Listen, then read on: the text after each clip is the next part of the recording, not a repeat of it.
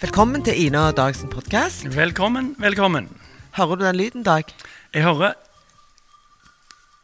Det er noe med, i den lyden som minner meg om sauer. Ja.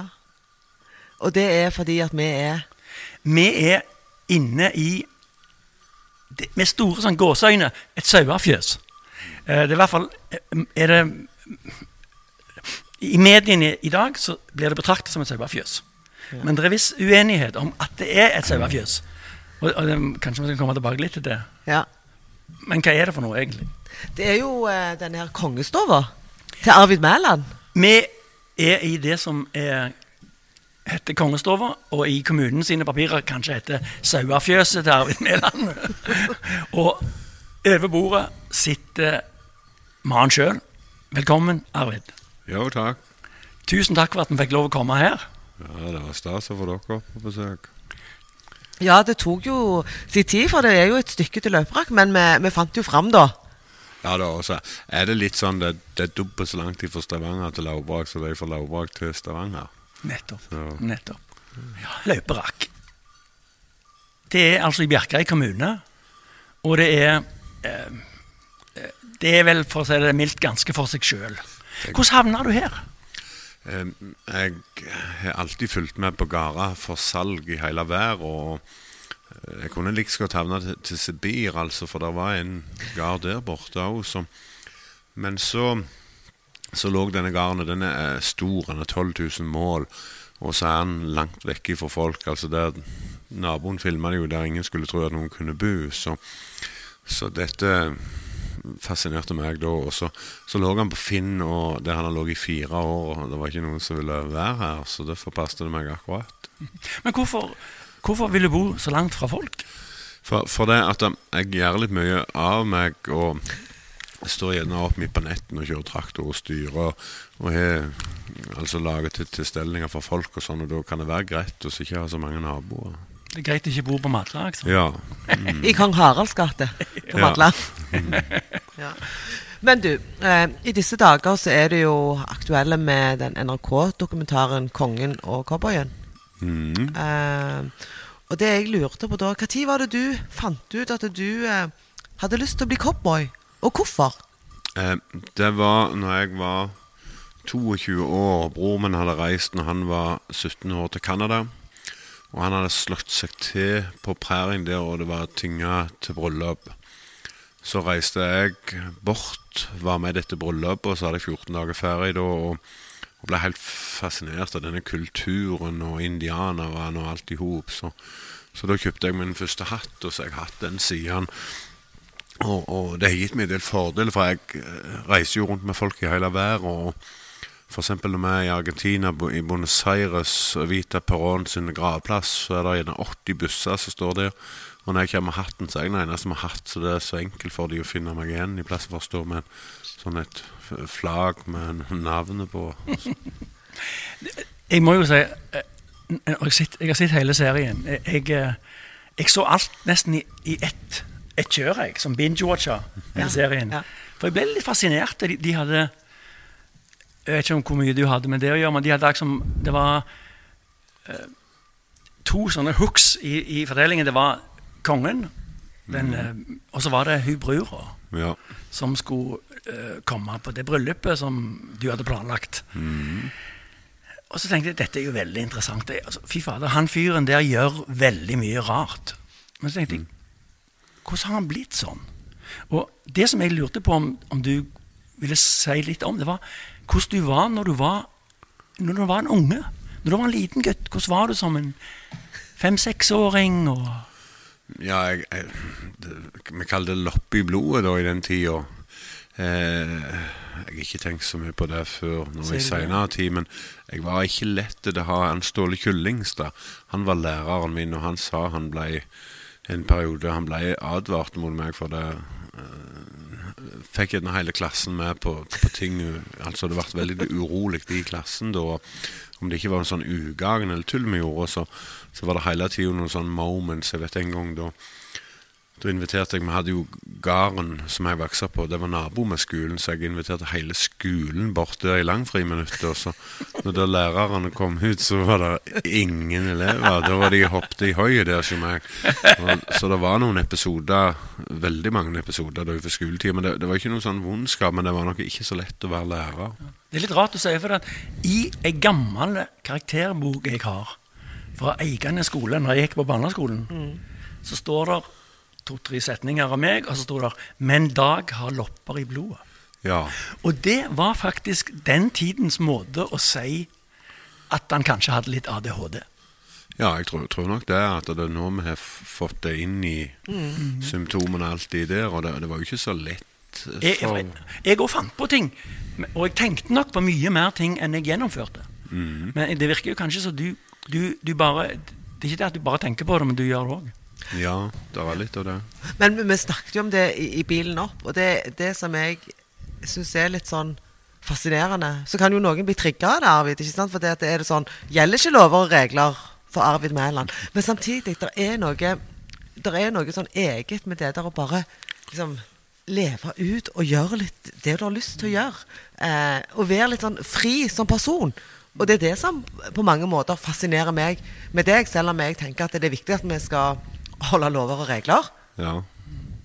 Ja, jeg, jeg er jo ikke sånn eh, Det er jo grunn mer tøying av lover og regler. For Ja. det, det er aldri sånn at jeg, jeg, jeg har aldri vært i fengsel og aldri vært sånn. Men jeg kan ta et lite eksempel da. Eh, jeg visste at de skulle komme, disse her eh, firerbanden som jeg kaller de for Arbeidstilsynet og alt det der. på besøk. Mattilsyn og alt ja. det der, ja, ja. Og de visste jeg skulle komme. Og så visste jeg at da, det hadde kommet en ny regel for å sette i eh, sånn eh, sikkerhetsseler. Ja. Og, men jeg hadde ikke tid, og jeg rokker ikke dette til å få det i da. Og så tok jeg jo bare en, og det ville jeg gjort uten kamera, var der òg. Jeg bare skar av en sele og en bil og knyttet i og tenkte nå slipper jeg unna med dette her. Så da når serien kom ut, så var hun oppe, hun som ble lurt da. eh, Første morgen etterpå, så da sa hun jeg er jo ikke sint på deg, Arve, men jeg er veldig veldig skuffa. For du, du er et slags forbilde. Og så måtte jo jeg òg til å tenke lite grann at det, Så nå, nå var hun oppe i går, og nå ble hun veldig glad nå, eller foregårs. Nå når jeg hadde sett i sele, og så fikk vi det i orden. Og så skal jeg bruke den iallfall når ungene ser på, men det må være litt realist av deg. Litt bakvendt når du skal inn og ut av traktoren hele veien, og så bruke den der. Og det var visst en regel at du skal bruke den etter vei og sånne ting, så, så jeg òg må jo skjerpe meg litt på ting jeg gjør da. Jeg husker første gang du dukket opp på min eh, lille radar. Det var, når du, det var eh, i forbindelse med Norway Ranch, Ranch i, i, i Arkansas. Så tenkte jeg jøsse meg, en, en, en fyr fra Jæren som plutselig har en masse land og, og selger og står i. Og så tenkte jeg, tenkte, hvor kommer dette fra? Hvor- hvor- Hvordan hadde du råd til å kjøpe en svær del av, altså en, et svært landområde i en stat i USA? Ja, eh, det, det, det var impuls, som sønnen min sier. Eh, Jeg driver med disse turene og hadde hatt veldig mange Route 66-turer. Så var jeg på en Route 66-tur, og da var hele familien med. Og sønnen min òg. Og så, når vi var ferdige med den, så, så hadde vi kommet altså fra California mot Chicago. Når vi kom inn til Missouri, så var det veldig grønt og fint, for det hadde vært en sånn tørke, så det var, det var ørken over hele statene på vest. Så, så her var det veldig fint til deg, og nå er, det, nå er jeg over 300 reisedager i året. Skulle vi ikke hatt en sånn plass her borte vi kunne hatt i lag da, så fikk vi de på flyet, de som var med, og så skulle vi opp og besøke broren min i Canada. Så kjørte vi opp der, og så da gikk jeg på nett, og så fant jeg denne ranchen. Eh, kjørte ned, hadde med hele familien. Det var fryktelig lang kjøring da. Hadde en time og så på ranchen, og ble grepen av det. Så kom jeg hjem, så er det en kompis som har- hadde da 60 millioner, og så sier det han Jeg har funnet denne ransjen, det er mye rot. Vi kjøper den i lag, og så heller du pengene, og så tar jeg ansvar for jobben og rydder den opp, og så deler vi profitten vi leier av den. Det er butikk. Jeg er med, sa han. Og da vet du det var bare to timer, så sender jeg bort til deg et bud, og så kommer det tilbake, bud akseptert. Og så betaler du inn noe sånn håndpenger, da, så betalte jeg inn 300 000 som jeg hadde. Og så kom det tilbake til kontrakt, og da bruker du tida til å ordne alt i hop. Så Etter ei uke så kom han her kompisen min ut, så sa han Arvid, jeg må trekke meg. Jeg har bare sett inn penger på den kontoen gjennom hele livet. Jeg har aldri tatt ut penger av han. Eh, så jeg får ikke sove om nettene. Hvis jeg skal ta ut 4,5 millioner, jeg takler det ikke. Så måtte jeg ringe ned til deg og så si det her. Jeg, jeg har ikke pengene. Jeg får ikke lån i Amerika, og ikke får jeg lån i Norge. De kjøper i Amerika på sånn en sum. Så, så jeg må bare trekke meg. Så sa han eieren jeg fikk sansen for deg. Du får låne pengene av meg. Jeg skriver ned en avtale, og så betaler du meg 300 000 i året til du er ferdig å betale den. Greit, det, sa jeg. Og så Samtidig hadde jeg TS-en, hele firmaet der med 460 stykk. Så reiste vi ned til Lisboa. Og da hadde stått i Aftenbladet at jeg hadde kjøpt den her på Impuls. da. Og når vi eh, så på flyet hjem etter en veldig vellykka bedriftstur der, så så forteller jeg om denne gården til Olav Stangeland, og så sier han sier jeg, det, skulle ikke du hatt ei tomt der borte? Så jeg, Selvfølgelig skulle jeg hatt ei tomt der, og det gjorde jo han bare fordi at eh, jeg hadde lagd så fin tur for han da, og firmaet hans. Så han sier det for, Han hadde en gul lapp som skrev på kontonummeret, og så på mandagen da overførte han pengene for den tomta. Så var han i et møte på Jæren med sånne raketter, sånn næringslivet der. Og så sier han jeg kjøpte tomt Porsche Arvid. Jeg trenger noen naboer. Og så var det ingen rundt det bordet, de var tolv stykker, som ville si nei, for de ville liksom ikke det skulle gå to som ikke de var med på. Så da ble det tolv tomter solgt da. Og da, altså bare i løpet av fire-fem dager, så solgte jeg for over ti millioner i tomter og sendte bort hele pengene og betalte ut gården da. Så, så var vi der, og så Det som skjedde, det ble jo en sånn historie der, men det, det som skjedde etter hvert på Norway Ranch, så ble det nedgangstider. For de første som kjøpte, det var de som hadde veldig god råd og sånn, og som bare kunne kjøpe på impuls. Men så ble det altså folk som hadde ferie og interesse for Amerika, og så ble det nedgangstider i USA generelt, så vi hadde bygd ei hytte ferdig. Vi bygde jo over 30 hytter da, de åra jeg var der. Så, så var den været bare halvparten av det det kosta å bygge den. Og det er klart, Da ble det enklere for folk å kjøpe noe oransje, noe, altså kjøpe andre ting som var så billig da. Så da minka det som var inntekta der. Så, eh, så, så det ble aldri noe sånn eh, Det, det ble ikke noe å leve av etter hvert. Så da begynte jeg å kikke etter noe i Norge. og så så når jeg hadde solgt Norway Ranch, så, så hadde jeg en gang hatt 14 millioner i, i, mens jeg hadde kjøpt andre rancher. Så gikk, når jeg var ferdig, så var det null. Så, men, men så så ikke jeg det som et nederlag, for det, det, det var en opplevelse. Det var en reis. Ungene fikk bo der borte et år. Og i hele tatt så var det en del av min reise da. Så Men, men eh, er du, har du vært der siden? Og, liksom, har, du, har du noe forhold til den ranchen nå? Eh, Eller jeg, jeg, jeg har ikke noe jeg, jeg følger med. Jeg, har, jeg hadde tur der til sist gang som stoppet pga. pandemien. Så jeg skal ned, men jeg har vært borte ja, 12-14 ganger eh, siden jeg solgte da i 2012. Men, men jeg, jeg, jeg kan ikke si jeg har noe sånn forhold. Nå er det solgt, også, Men det er klart, arven Mellom Boulevard og Kong Harald Street de er jo der ennå. Og, og de tingene vi bygde opp, de står der, så Det er helt rart. Ja. Det står på Google Maps. Ja. Arvid Mæland Boulevard. Ja, jeg måtte bare det. For det, det som, som var kult med det, når du lager til det, så får du det på sertifikatet ditt. Og når du da ikke Amerikanerne er veldig opptatt av ce- celebrities, eller hva det heter, altså kjente. Så det, det var jo Elvis Presley hadde Elvis Presley Boulevard, og så hadde jeg Arvin Mæland Boulevard. Og når du viser sertifikatet med det, så, så er det liksom så Da er det noe du begynner å snakke om.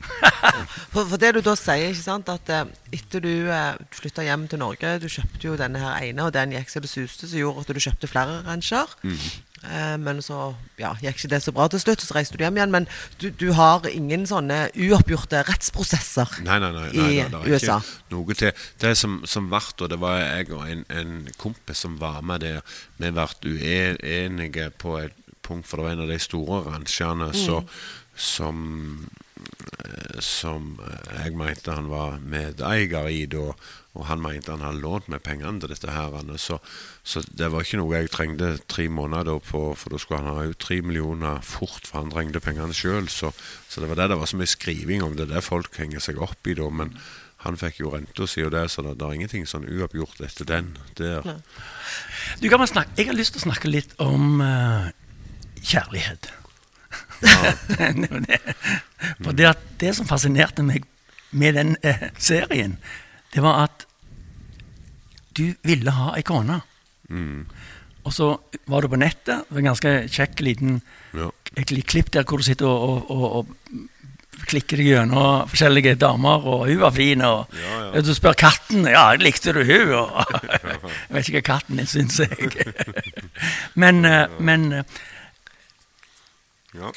hva forhold Altså, du har vært gift to ganger før, var det det? Nei, er det ikke tre-fire ganger? Tre, tre ganger.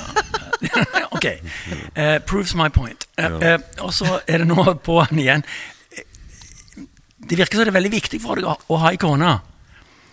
Ja, hva, altså hva, er, hva er det som ligger bak det? Hva som er greia her? Ja. Eh, greia her er det at, at jeg, jeg må ha en sånn en sparringspartner. En sånn en, og jeg er veldig sånn urolig i sjel og veldig i gang på noe hele veien. Så, så ifra jeg var 16 år av, så har jeg hatt kone, og det har jeg vært vant med. Men eh, jeg Så du gifta deg når du var 16 år? Ja, det var vel ikke gifting før jeg var 17-18, men, okay. men eh, Det er jo veldig tidlig å gifte seg ja, som det, det er jo det, og det som var jo litt tøft, og ikke sant, det var det at du Hun, hun, hun var ti år eldre enn meg, så hun hadde jo eh, unger som gikk på skolen. Så da to år etter jeg sjøl gikk på skolen, så var jeg i foreldremøte med samme læreren da. Så, så det, det var litt tøft. Men så, så kan jeg jo Ikke sant, du blir jo glad i disse konene. Så når, når du ser at det har vært litt for travelt for deg, og litt mye styr rundt alle ting jeg holdt på med, så så, så var det ikke noe problem å å seg når de fant ut de ville gjøre andre ting. og sånn. Men, men for meg, når jeg da kom jeg, jeg, Siste kona mi hun, hun var jo en veldig personlighet. Hun har vunnet Finnmarksløpet et par ganger. og Hun er en så veldig konkurransemenneske. Hun driver med, med hunder og løp ja, og sånt? Ja, Ja. stemmer det. Så, så hun eh, Vi hadde det ganske travelt i lag, for begge to var ganske like der. Så fant vi ut at vi, vi trenger et par fjell imellom oss, og, og så hadde vi bygd opp en fin gard som hun overtok der. Og så hadde jeg funnet denne, da. Og så flytter jeg hertil, og så får jeg jo Da tenker jeg nå er det på tide jeg setter fot ned og så er jeg alene. Da. Men, men når jeg da fikk en vinter her inne, så det er ikke telefonsignal. Vi har tre måneder uten sol om vinteren. Eh, det er heller ikke postgang inn her. Vi må kjøre helt ut i bygda for å få posten. Eh, og da ble jeg særdeles ensom. Når pandemien var der, har ikke vært en gang siden jeg var 22 år at ikke jeg har vært på andre siden av ekvator i løpet av hver vinter og fått sol og fått sånn. Så da ble jeg veldig ensom og så det her og snakket og diskuterte med katten og med hundene. Ble du litt sånn deprimert? da? Ja, jeg ble det. Ja. Så, så det at da at da, da det Nei. Jeg skjønner godt det. Tre måneder uten sol. Ja, og så, og så tenkte jeg det Ikke får du telefoner noen gang, ingenting. Så, sånn som jeg alltid hadde vært. Og så alltid du hadde hatt ei kone som hadde det veldig gildt med i lag. Det var liksom disse utenomtinga som, som gjorde det ikke fungerte. Så, så tenkte jeg dette skal ikke skje, så jeg skal ikke ta en sånn en vinter til. Men så er det jo litt sånn typisk meg. Jeg har mine omgangsvenner de planlegger langt fram, og de er mye. Så det var der de begynte med at jeg setter denne datoen Den var ett år og to måneder fram i tid. At da skal jeg gifte meg. Det var 25. juni klokka tolv. Og da sendte jeg ut invitasjonene jeg ordna med han Kjetil, eh, ordføreren her, skulle vie oss og ordne alle de tingene der. Og så begynte da konejakten og sånn. Jeg måtte gjøre det da.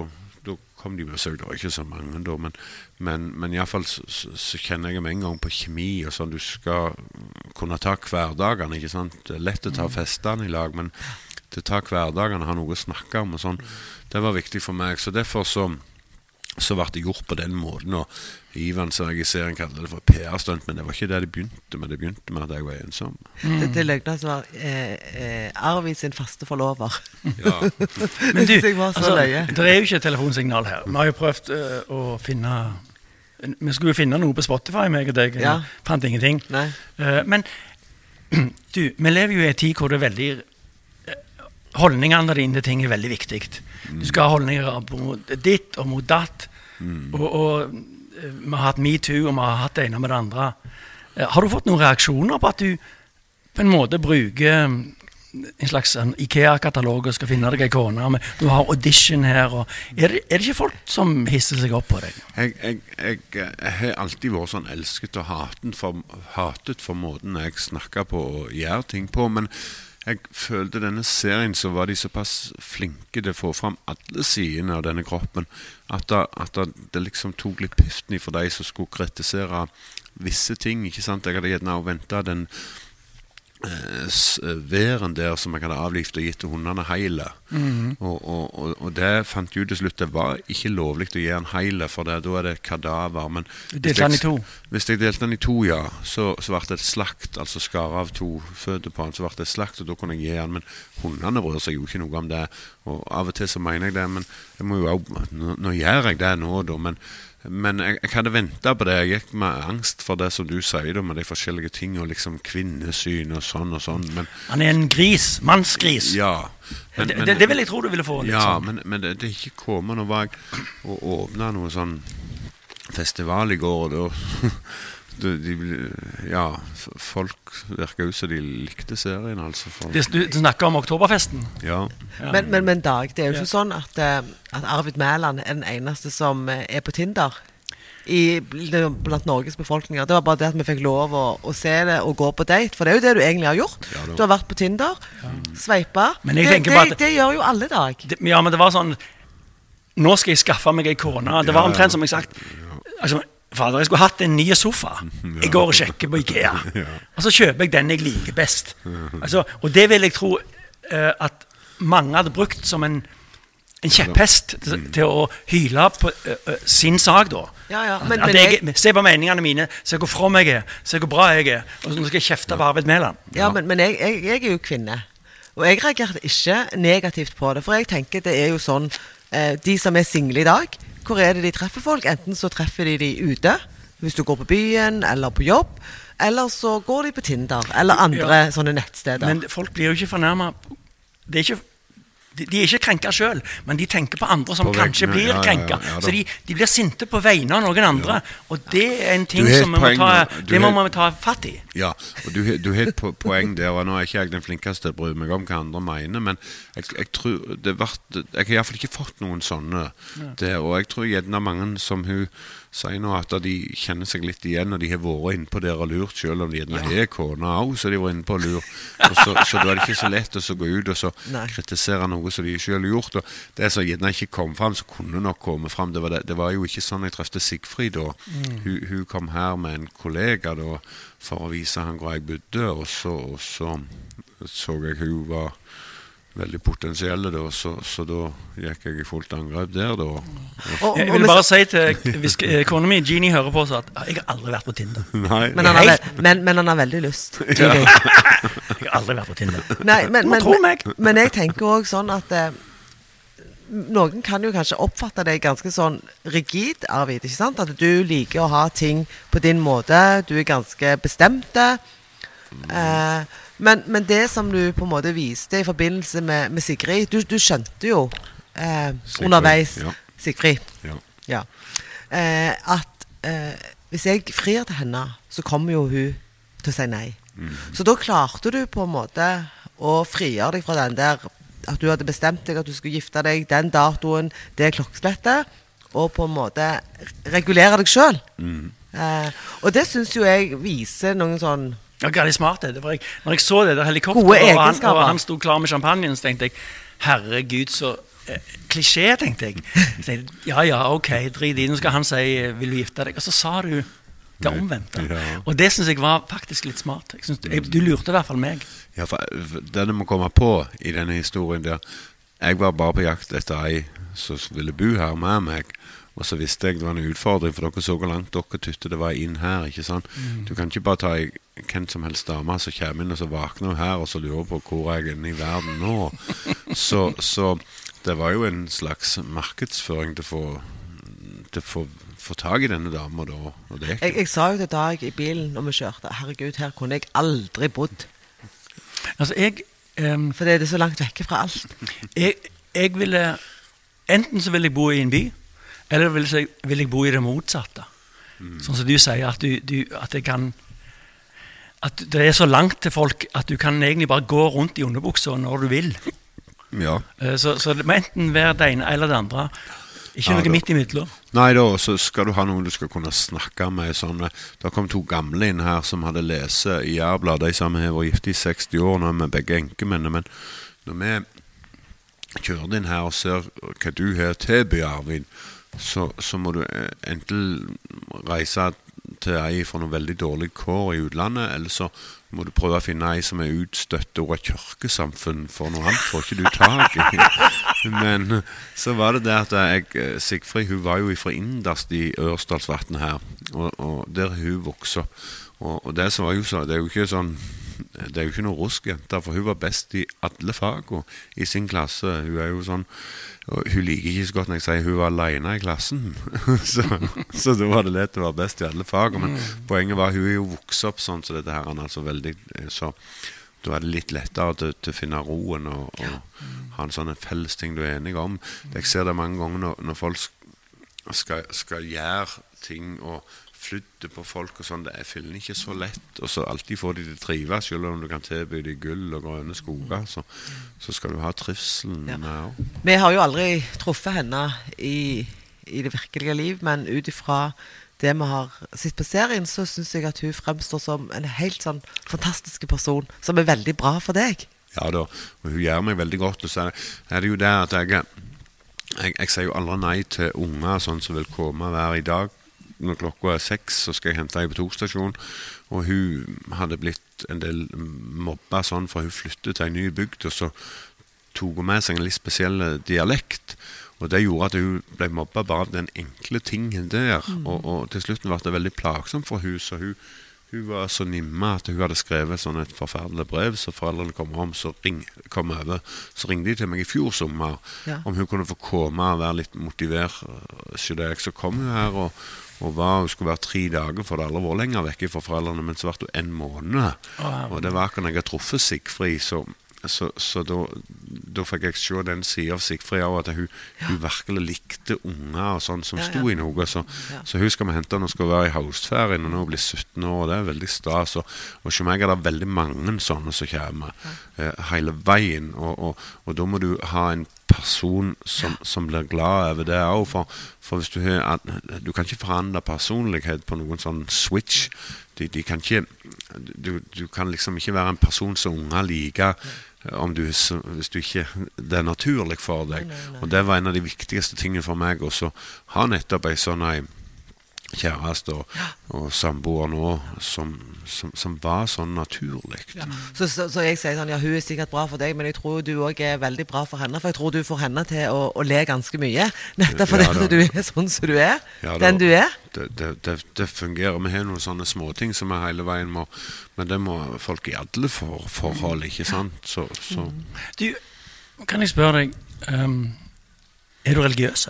Nei, altså, jeg, jeg er reiser jo rundt til all slags sekter og kulturer. Sånn, rett før dere kom, så var det to stykk som var her og så bestilte tur hos meg til Canada i sommer, for vi skal besøke noen sekter der som er veldig spesielle. Og så skal vi til indianerne. Og jeg, jeg, jeg må gjøre det sånn at jeg respekterer alle andre sin tru, og så tror jeg bare på meg sjøl. Så, så det er kanskje en spesiell måte, og litt egoistisk måte. Men jeg er vokst opp i Frelsesarmeen miljøet, så, så, men, men jeg kan ikke kalle meg en kristen. Men selv om veldig mange der kommer ei dame nå som sa jo samme hva du sier, Arvid, så er det sånne karer så det er Gud snakker gjennom og, og handler gjennom. Så, så gjerne er jeg litt uten å vite det. Kanskje er du en liten profet? Ja, gjerne å Du, denne, denne plassen, Nå sitter vi altså i det som vi sa innledningsvis er enten et sauefjøs eller en fest, et festlokale. Det kan dere som velge sjøl. hva, hva er det som skjer her? Men Det er jo ganske svært. Eller om det er en 40 meter langt, eller noe sånt, og så er det 15 meter bredt. Ja. Og, og svært høyt under taket. Hører dere kanskje på lyden. Men, men hva, hva, hva bruker du denne plassen til? Ja, det, det, Derfor det ble litt diskusjon. Det var fordi at um, jeg begynte å gjøre det her, og, og de fleste andre kan gjøre ting inne. Altså Bare du ikke gjør noe på fasaden uten de trenger søke, det gjør folk. De flytter den veggen og sånn, men med en gang du skal gjøre noe på utsida, så blir det styr. Eh, så under oss her, nå sitter vi i annen etasje, under oss her er sauene om vinteren. Eh, og så var det diskusjonen, den gikk jo på det at jeg, jeg mente jeg kunne ha to-tre arrangement, og så kunne jeg ha traktoren inne her om vinteren. Det året så vil jeg søke neste vår, men så setter de en litt sånn streng i kommunen på det, og så sa han du må søke nå. Og derfor kom dette med dagmulten opp, så det var ikke regissert eller sånn. Det var bare det at det, det kosta meg over 100 000 kroner som, som jeg skal betale for å få altså rassikringer og sånn. Og så er det klart, litt i underbevisstheten lå jo det at med den skriving og der som vart, så visste alle at jeg lagde til et sånn et uh, firma i eventplass Så det er festlokale? Så, så, så det, nå er det festlokale, for nå er de snart ferdige med å godkjenne alt, og da skal jeg få gjøre ferdig det som mangler av do og sånne ting på Jeg ser jo det er en, noe som ser veldig for meg ut som en scene. Ja. Eh, og, og eh, kanskje et dansegulv. Og så her er det Her går vi sitter oppe i annen etasje, her ser det mer ut som det kan være eh, at du kan nyte eh, leskedrikk Ja. av forskjellige typer. ja, vi kaller dette for kysseloftet, da. Så. Og så er det noe som ligner på en bar, helt i enden der, med en traktor oppå baren. En rød traktor. Ja, Det neste, neste arrangementet som skal være her nå, det, derfor bordet står sånn jeg ikke rydder det vekk. Her var det eh, en sånn en bedrift som var nå nettopp, og de var 30 stykk. Så da lagde de til så alle kunne sitte rundt et bord. Men det neste arrangementet som er nå, det er Vera-auksjon. Og det er for å få med bygda, for jeg, jeg er veldig opptatt av det her. I denne bygda, som så veldig mange andre, så er det fullt av enslige eh, som bor i noen svære hus, og så er de hjemme på gården og arbeider. Så de gilder folk, men så de ikke lærer seg til det der med sjekkegreiene som de kan i byen. Og så er det en del som går inn i byen som begynner å bli lei av det, og så sliter de alene med noen regninger på strøm og sånn som er vidle nå. Så da har jeg Vera-auksjon, og det er, den er klokka sju. Da er det for å få ut disse bøndene, for de kommer for oss å se på disse værene. Og så er det noe som heter halva pris, det er der som er den fineste skjevin. Så kommer de også spille her etterpå. Og det gjør at da får jeg trukket by, eh, og menn opp her, siden det er såpass bra band. Og så har jeg eh, sånn sauemark jeg henger på de enslige. For mange av disse her, de har gjerne ikke sånn talegave som vi tre har. Og det gjør det at de tar noe av det sterke vannet for å liksom få talegaven i gang. Smøre litt Ja, og så, og, så, og, så, og så blir det litt eh, Altså, det blir fort litt for mye. Altså, så da, da det ikke da, da får du ikke presentert deg. Har du noe høyhus folk kan hoppe i til slutt? Ja, men jeg skulle fått til det. Jeg har ikke det. De, de må hjem og hoppe. Men, Det men de er kan få greit med litt høy, det ikke det, Ine? Jo, det er Ja, det er fint med deg. men, men, men, jeg, men jeg hører jo det, Arvid, og jeg så jo det òg på serien, at eh, jeg opplever jo at du har eh, veldig omsorg for eh, mennesker rundt deg, kanskje spesielt barn og unge. Eh, og òg når du sier det ser ensom, ikke sant, at du viser at du har en, en veldig sånn solidaritet med, med de svake i samfunnet. Hva- Og så har du han eh, kameraten din som driver et barnehjem. Eh, jeg husker ikke hva land det var i Han er i Tanzania. i Tanzania. Eh, da har du samla inn uh, penger eh, til han, som jeg syns er veldig fint. Og du forteller òg om at du har unger som får komme her. Hva er det som hva, hva er drivkraften der?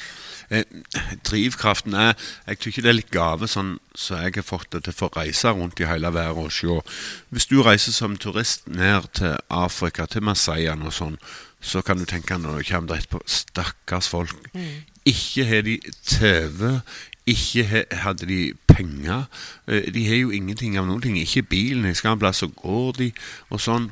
Å, stakkars folk, og så åh, Så ser du med det der minnet der. Men så, så når du begynner å tenke litt, grann, så er det ikke mest like stakkar for, for, for den personen som er blitt 45 år i Norge. Ikke har de unger.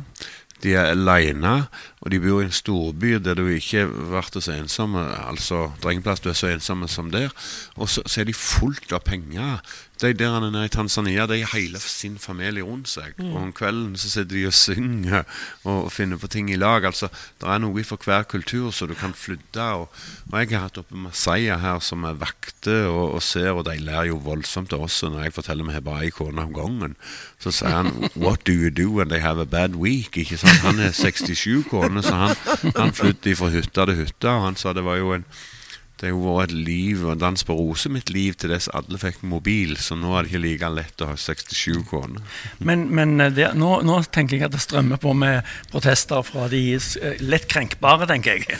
Ja, det- Arvid Mæland sa du skulle ha 67 kroner! Nei, det var ikke det han sa. Ja, Ja, han sa det. vi, vi, vi får stå, stå litt i det, men poenget vi kan lære av å reise rundt og oppleve. Jeg skjønner poenget. I, I Norge så trenger det ikke nå være sånn at du skal være ensom med, med alle pengene dine. Nei, og jeg, og jeg tror jo at det, det beste du kan gjøre, det er jo det, det å, å på en måte bry seg om, om andre mennesker. Nå skal det jo faktisk være eh, 10. oktober, det er jo verdensdagen for, for psykisk helse. Ja. Eh, og vi vet jo det at det er enormt mange mennesker som eh, strever på ulike plan. Eh, så det er jo eh, Ja, det, og det, jeg har vært mye borti det, og jeg det er mange som kommer til meg, og jeg, jeg må kjenne jeg må beskytte meg sjøl lite grann for å være så åpen som jeg er. For, for, for noen lever veldig inn i sine problemer. Jeg kan fortelle Tre år siden så hadde jeg en voksen gutt, 25 år, som var inne i Oslo. og Der var det alltid tre mann som passet på han. For han var 10% psykisk utviklingshemmet som var 90% friske. Men det var nok til at han ikke kunne fengsles for disse tingene. Og han rana bingoer. Og så med disse tre vaktene sine på slep, da, så så kjøpte han på hasj og ble vill og gal. Og så, så så de ikke noe progress, så kom de til meg og sa de, Arvid, kan, øh, kan han få være hos deg? Og så første uka, da hadde han med noen hjelpere, og så etter hvert så begynte han bare å komme til meg. Men så var det det at han, at han, han kom bare meg til det som han var helt ovenpå. ikke sant? Han hadde brukt dette stoffet, og så var han helt i kjedleren. Så lå han tre-fire dager og spydde og fikk det ord kroppen, og så var han med, og så hadde vi det veldig bra. Han jobba og sto på, men så, så ville han tilbake igjen da. Han var helt på frivillig. Så ringer han meg en gang og så sa han Arvid, eh, kan jeg komme nå? Jeg har så fryktelig tankekjør. Så sa jeg du kan ikke komme nå, du må vente til neste uke. For det at da Nå har jeg barneleir her, og når du rister og sånn, så det går ikke.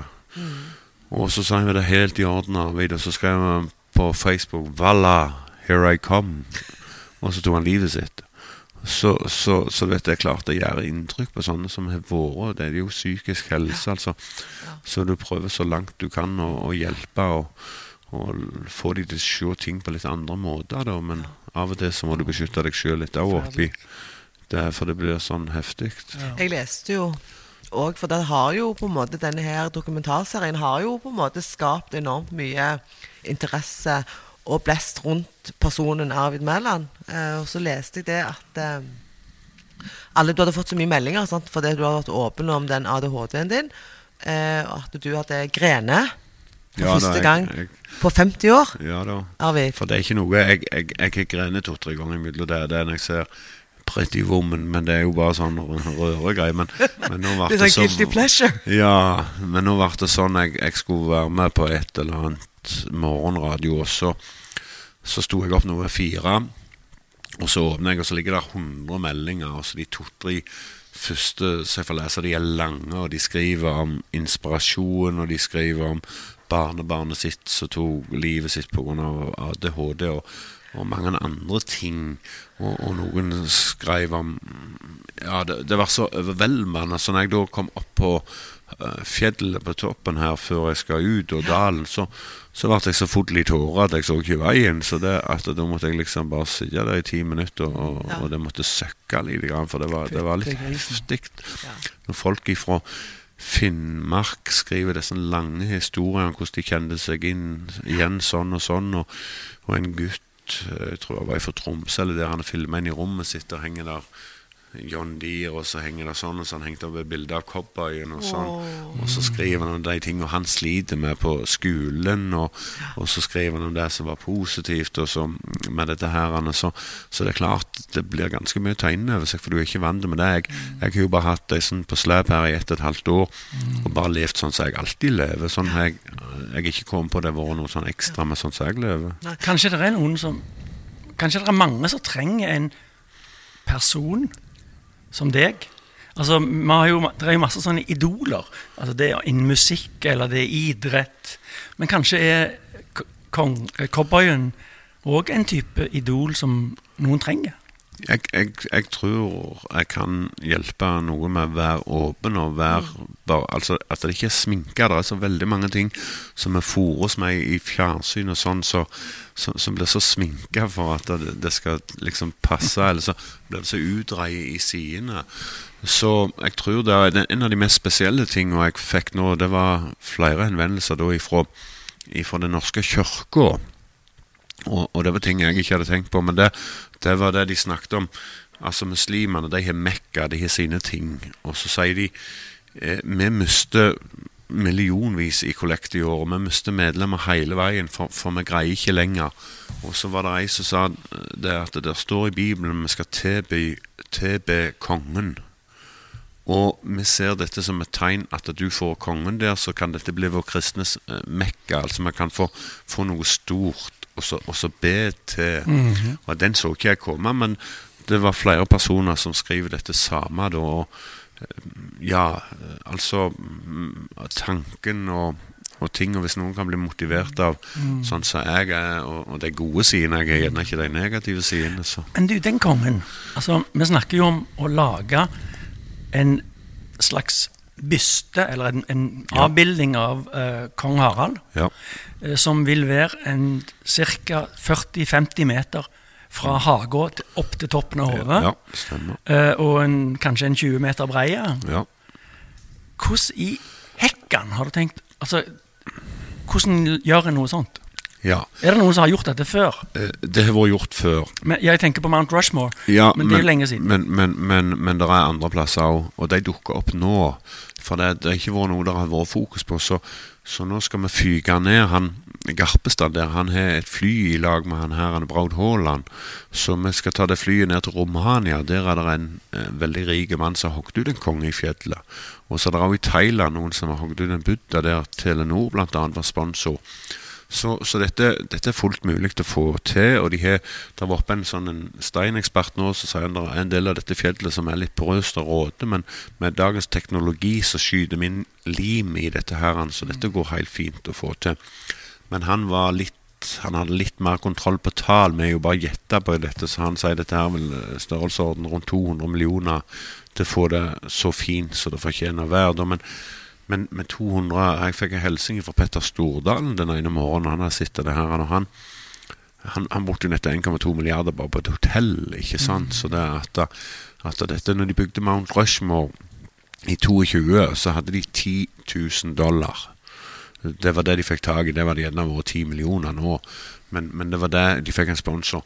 Men etterpå det så betalte Mount Rushmore seg sjøl, for da kom folk og så la igjen penger for å mm. se hele veien. Det var 400 mann som arbeidet på dette. her. Og, men, men snakker vi om Snakker vi om, om, om luftbord, og, altså kompressorborer, og hvordan skal en liksom forme et ansikt sånn at det ligner på Ja. Det, det som han største eksperten nå har vært inne og sagt, han, han, forklarer det som er fint med denne kongen her, vi kan greie å lage vei opp og komme opp på baksida av den, så vi kommer opp på hodet. Og så må vi nedi med, Du kan tenke deg skyskraperne rundt i været, og de har noen voldsomme kraner som står oppe, og så heiser de ned de som vasker i sånne korger. Mm -hmm. Og så er det sånne korg så du så du kan styre og svinge inn på sidene så du kommer til overalt. Og så, så, er det bor, som du sier. Ja. Og så bruker de litt teknikker med de borer så langt, og så har de noe sånn utvidelsesmiddel som du tar lag for lag. Men, men um, det største nå jeg, jeg er jo sendt til Harald om jeg kan komme i audiens, og han er svært fin. Han har ikke tid til å ha meg inn på audiens og, og snakke om dette nå. Han har ikke vært negativ. Han har ikke sagt noe noen vei. Mens jeg har fått invitasjon fra Stortinget, så der vil jeg reise inn og, så, og fortelle om planene for dette. og jeg tror kanskje at Norge er litt klar for eh, Det er veldig mye elendighet vi skal ta inn over oss. Mm. Altså, dette her er det, det umulige, men kan det være mulig? Jeg, jeg la ut sånn Eh, eller, eller, eller, folk vippser, for jeg har Vipps-nummer, så, så vippser de 50-lapp, og så 'Yes to support you', og så er det en sånn en 15-åring fra Jokkmokk eller en eller annen plass. Det, det, det, er veldig inspirerende, for, for det Jeg tenker litt på i Norge så er det jo en liten sånn debatt av og til om om vi skal ha konge eller ikke konge. Ja. Og så sier de ja, men vi kan ikke ha president, og det, de får ikke den samme statusen. Men allikevel så er det fire presidenter som utgjør Mount Rushmore. Ja. Eh, så vi har jo hatt masse konger eh, i Norge, men vi har jo aldri lagt, lagt noe tilsvarende. Nei. Nei, Det blir jo veldig kjekt hvis dette her blir realisert. Ja, og, og, og, og det var Det er klart jeg var veldig på jakt etter å få kong Harald med på laget. Men nå har jeg fått med noen som lager kart og forskjellige sånne ting, som jeg får presentert det så Altså så skikkelig som det skal være. Eh, eh, for jeg, alle de landene jeg reiser i rundt, så har de jo Alle disse her tyrannene, de har noen enorme statuer i messing og brå- altså, der folket er fattige og lir, og ingen vil ha den der. Men eh, hvorfor kan ikke vi ha det i et land der vi liker kongen vår, så der vi har råd til det? Men som sagt, det er jo bare å flytte på penger rundt omkring, og de der som hogg ut den kongen, de vil jo betale skatten tilbake, så samfunnsøkonomisk ble det ikke det store. Det er en vinn-vinn-situasjon. Ja. Du, jeg, jeg, em, eh, i, i går eller noe sånt, så gikk jeg inn på eh, løperakk.no, så- som er nettsida di. ja. Og, Eh, og så tenkte jeg dette var jo interessant, men der sto det doktor Arvid Mæland. ja. Altså det er punktum. Eh, Er du doktor? Ja, altså den eh, Sånn som det var Den nettsida er ikke helt oppdatert. Det var en kamerat min okay. som har hjulpet meg med dette her. Og, og han døde midt oppi det her. Så det var han, han fikk se denne serien uklipte før, da. Men han døde nå nettopp. Men det var han som skulle gjøre det. Så jeg må få noen andre til å hjelpe med nettsida. Men, men doktor, det er helt sant. Den tittelen den fikk jeg til jul av en som heter Martin Hove. Og jeg syntes det var en sånn fin gave å få en doktortittel. da, så Særlig når jeg var i Amerika, så åpna det veldig mange dører når jeg skulle rundt og ordne ting. Når, når det sto 'doktor' da framfor navnet mitt. Så, Ja, det vet jeg. så, så, så det, at- Det hjelper, det.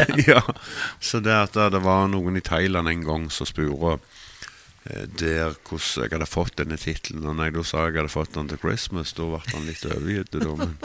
Men, men så, sånn er det. Merry Christmas! ja.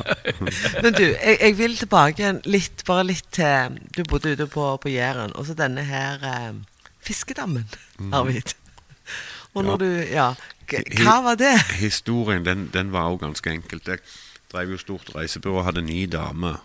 Så var det en veldig koselig kar som kom der og hjelpte meg og, og, og slik. Men så var det det at da, han likte så godt å drøse og snakke. Så han så der, og jeg, eh, uten å kunne si noe som han var fornærma av, så så han gjerne en time og vaste vekk de ni konene som skulle selge reise for meg. Så tenkte jeg her må jeg finne på noe, men jeg kan ikke forelegge det vennskapet der. Men jeg sier du har jo en gravemaskin, du. Nå fikk jeg lyst til å ha en skikkelig fiskedam. Der er det ei elve, kan du grave den ut? Ja, sa han. Og han forsto ikke helt at det var for at han ikke skulle sitte så mye og drikke kaffe der. At det starta. Men han grev ut denne eh, dammen da, og så, så starta jeg, for jeg drev jo der òg med teambuildinga. Ja. Og så så startet jeg ut så tilby, særlig når Statoil kom med kinesiske eh, sånne kunder, så kunne de komme der og fiske. De var garanterte fisk, vet du. For jeg kjøpte de jo bare oppdrettsanlegg, og så gikk de jo de der. Så det ble en veldig, Og da, da, da ble jeg meldt for dette her av, av noen som drev med vanlig fiske, som ikke kunne gi garanti på det. Jeg hadde ikke tenkt på det. Og så, når jeg da ble meldt, så så fant jeg ut at jeg måtte ha en konsesjon, og det var jo sånn hundrevis av tusen og alt mulig. Så det var jo helt umulig med det jeg hadde da, som var en liten fiskedam. Så, så, så fikk jeg fra Fiskeridirektoratet at da, denne må vekk, den må tømmes, og det må skje fort. Så fikk jeg en skoleklasse, og de fikk ikke opp all fisken, og så fikk jeg en deadline på fredag når klokka var da. Og da tenkte jeg da har jeg bare en ting igjen. Da må jeg ta dynamitt og sprenge det her. Og så passet jeg på og så sende ut en liten sånn en tips om dette til noen aviser. Da kom jo alt, alt som var av journalister. Da Kari Mills kom hun var død, og hun, hun, hun, var litt redd for fiskene.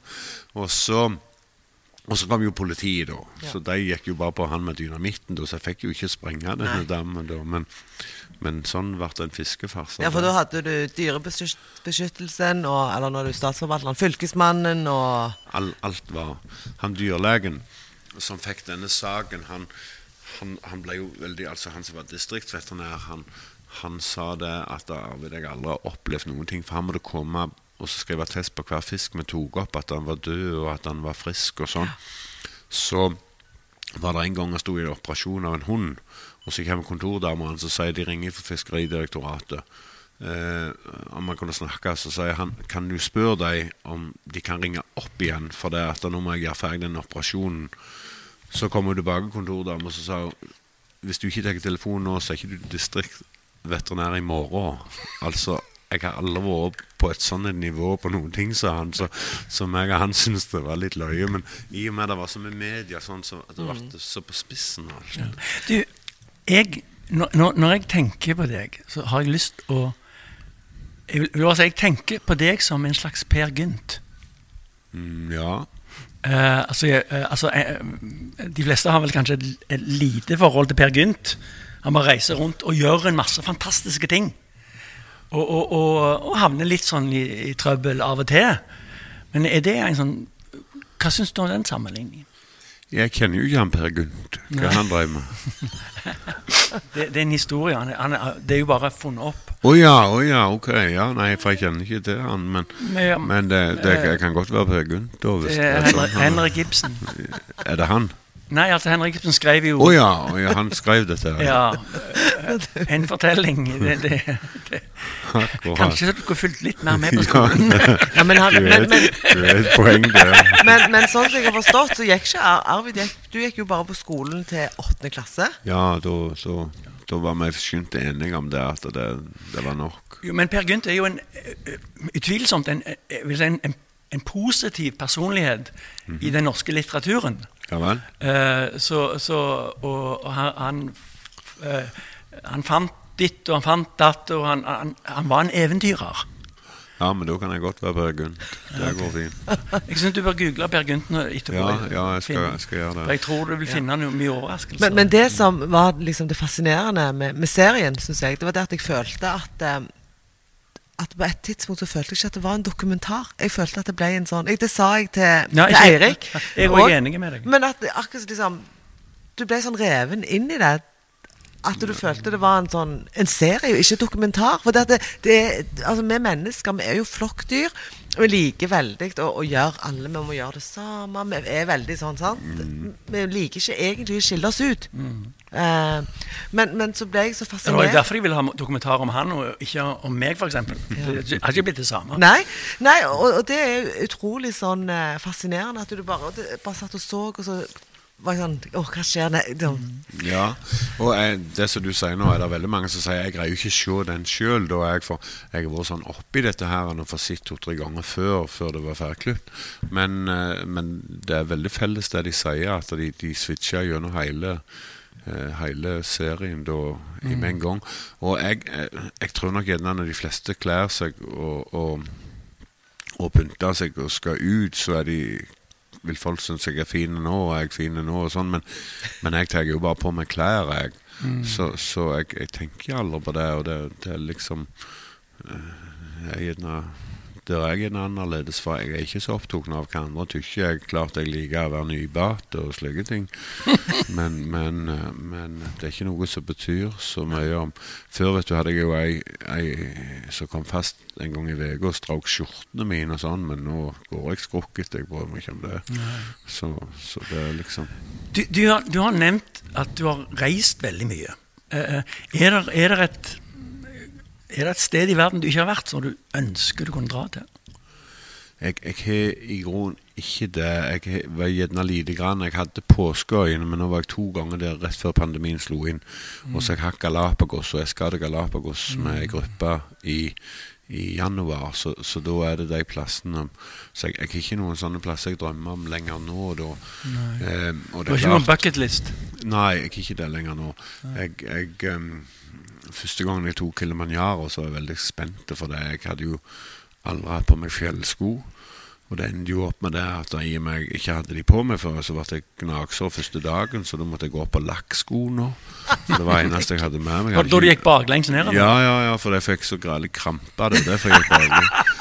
Men, men, men tingen er det, nå, nå skal jeg i mars gå åttende gangen til Kilimanjaro. Og nå gjør ikke jeg det, for jeg syns ikke det er blodslig, det er så gild. Men jeg gjør det fordi jeg, jeg syns det er veldig inspirerende til å være med og så gå med noen som har spart, som har ett stort mål, og så å være med så får flest mulig av de til topps. Det, det gir meg sånn et kick til, til å være med på det nå. Det er ikke et slit. Og det er et vanvittig slit. Jeg ser du røyker litt. Grann, og det må, du har kanskje ikke sånn kanonform? Har du det? Trener du, Arvid? Nei, nei, nei, det er bare Sigfrid. Hun har hele treninga jeg får. Så. Ja, da. Vet ikke hvordan vi skal tolke den. Nei, Trenger ikke tolke. den. Det går helt fint. Drit i det. Drit i det. Ikke bli krenket. Ja. Nei, men, er men, men jeg tenker jo òg sånn som du sier, sant, at du er jo eh, har jo vært rundt eh, etter serien kom ut, så har du blitt invitert på det her og der. Eh, folk eh, har begynt å legge merke til deg, og at du for, du for mange nok er et forbilde. Ja. Ja, og, og det, det tenker jo jeg at det, det må jo Altså Da er det jo viktig å, å, å ta det litt gjerne på alvor. Det er akkurat det som du sier Ikke sant, jeg- Arvid? Ja, men akkurat det du sier nå, har jeg tenkt på og, og, og slikt noe, så, så, så det at jeg, jeg må mm, tenke lite grann på det. hvem de gjør de samme tingene, og sånn, men, men så alle gjør litt dumme ting, og så prøver jeg også Hvis jeg er sur på noen, et eller annet, så skriver jeg ikke det på Facebook. altså sånn, Jeg, jeg må prøve å så legge vekk, og det er noe alle prøver på da, men alle kjenner meg at nå hadde jeg lyst til å skrive en dum kommentar på et eller annet, men, men jeg, jeg prøver enda mer nå enn jeg gjorde før, og så ikke gjør det, for det er noen som leser den kommentaren, og så tenker mm, Det var leit. ja, så, så, så det, der, det, det er jo det som er litt sånn Når jeg vokste opp, så hadde jeg veldig mange som jeg hadde lest om i bladet, eller sånn som jeg syntes var veldig De så så sympatiske og greie ut. Og så når jeg trefte de første gangen, så var de altså sure og vanskelige, og ikke gadd de snakke til en tolvåring. Det er bare sånn 'kom deg vekk' og et eller annet sånn. Så det har jeg hele mitt liv hatt, at jeg snakker med absolutt alle.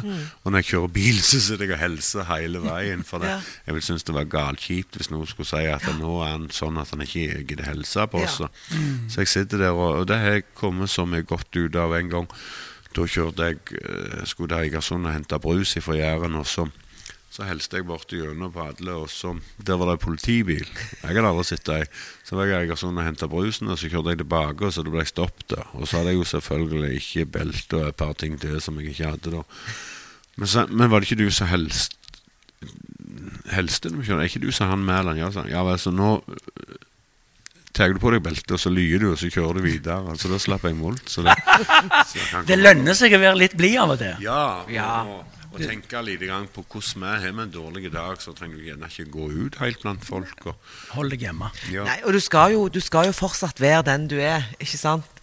Eh, det er jo det som er deg. Ja. Men, men klart at eh, når en vet at det der er mange som eh, ja da, så, så det er spesielle, det konkrete tilfellet der nå med se- setebelte når, når, når jeg har unger sånn med meg nå, så Ja. bruker jeg belte. Ja, ja, for det at eh, Når vi vokste opp, så Det var jo ikke noe vi var Vi hadde ikke setebelte da. Og, og, og før da så vi bilene og røykte, ungene så bak og hosta. Sånn gjør en ikke lenger nå. Forbilde gjør jo ikke Nei, sånne ting da. Så, så, så jeg og, og når vi var små òg, så har du ikke hjelm, sykkelhjelm. ikke sant? Så Nei. tidene har jo forandra seg, og, og noen ting er jo faktisk til det bedre. Men du, vi skal begynne å, å runde litt av. Ja. Eh, og da er det to ting som jeg, jeg lurer på. Når eh, er bryllupet, og blir det en sesong to? Ja. Eh, sesong to er jeg ganske sikker på kommer. Sånn som det er nå, så var Når vi hadde sånne, så var det sånn sjefene i NRK her, og så sier de vi har sett av pengene, for vi har blitt helt fascinerte sjøl. Men vi er avhengige av sjuertall på alt vi gjør for å forsvare dem. Ja. Og jeg, heller før de tallene de hadde sett opp, at de er passerte for, for ganske lenge siden. Men så er det òg en del ting, så, så, så jeg, jeg, jeg Vi har jo filma i tre måneder allerede, det er sesong to, så jeg er ganske sikker på den kommer. Og, og det som nye nå, nå skal de være med meg litt rundt i været og så se på de forskjellige kulturene og, og nordmenn som er ute, da. Og så går jo kongen videre med det som det blir av det. Og så var det ett spørsmål til du hadde. Det var Når ja, det, det det at jeg hadde jo hovedmålet som vi går tilbake til det, det var jo til å få ei som jeg kunne ha til sparring, som jeg kunne ha til kjæreste og kone og ei du, du, Sånn som jeg tenker, så må du ha noe å komme øh, hjem til. ikke sant? Så når jeg er ute i været og sliter meg opp gjennom Kilimanjaro, så vet jeg at Sigfrid hun er her nå. Hun er hjemme. Så lenge jeg stedler og passer godt på henne, så er hun. Så det har jeg oppnådd. Så nå er det opp til Sigfrid til å si når hun vil gifte Når seg. hun er klar, Ja. når hun er klar, er du klar. Ja. Du, jeg kom på en ting. Har du, er det noen som har liksom, sendt deg en melding og sagt at du driter nå i hun Sigfrid, hør på, se på meg? Jeg har fått over 100 leger, men jeg sier du må se siste episoden. Aha. For de sender før, før hun kom inn i serien, så begynner de å sende meldinger. For de to første, vet du, da er det ikke noe Sigfrid der. Aha. Så, det, så sånn er det bare. Sånn er det når du er ute i markedet. Men, men det var veldig kjekt at du, du tok deg tid, Arvid, og det var kjekt å, å prate med deg. Og eh, vil ønske deg masse lykke til med alt du skal, skal videre. Og det skal bli kjekt å, å følge videre med på deg.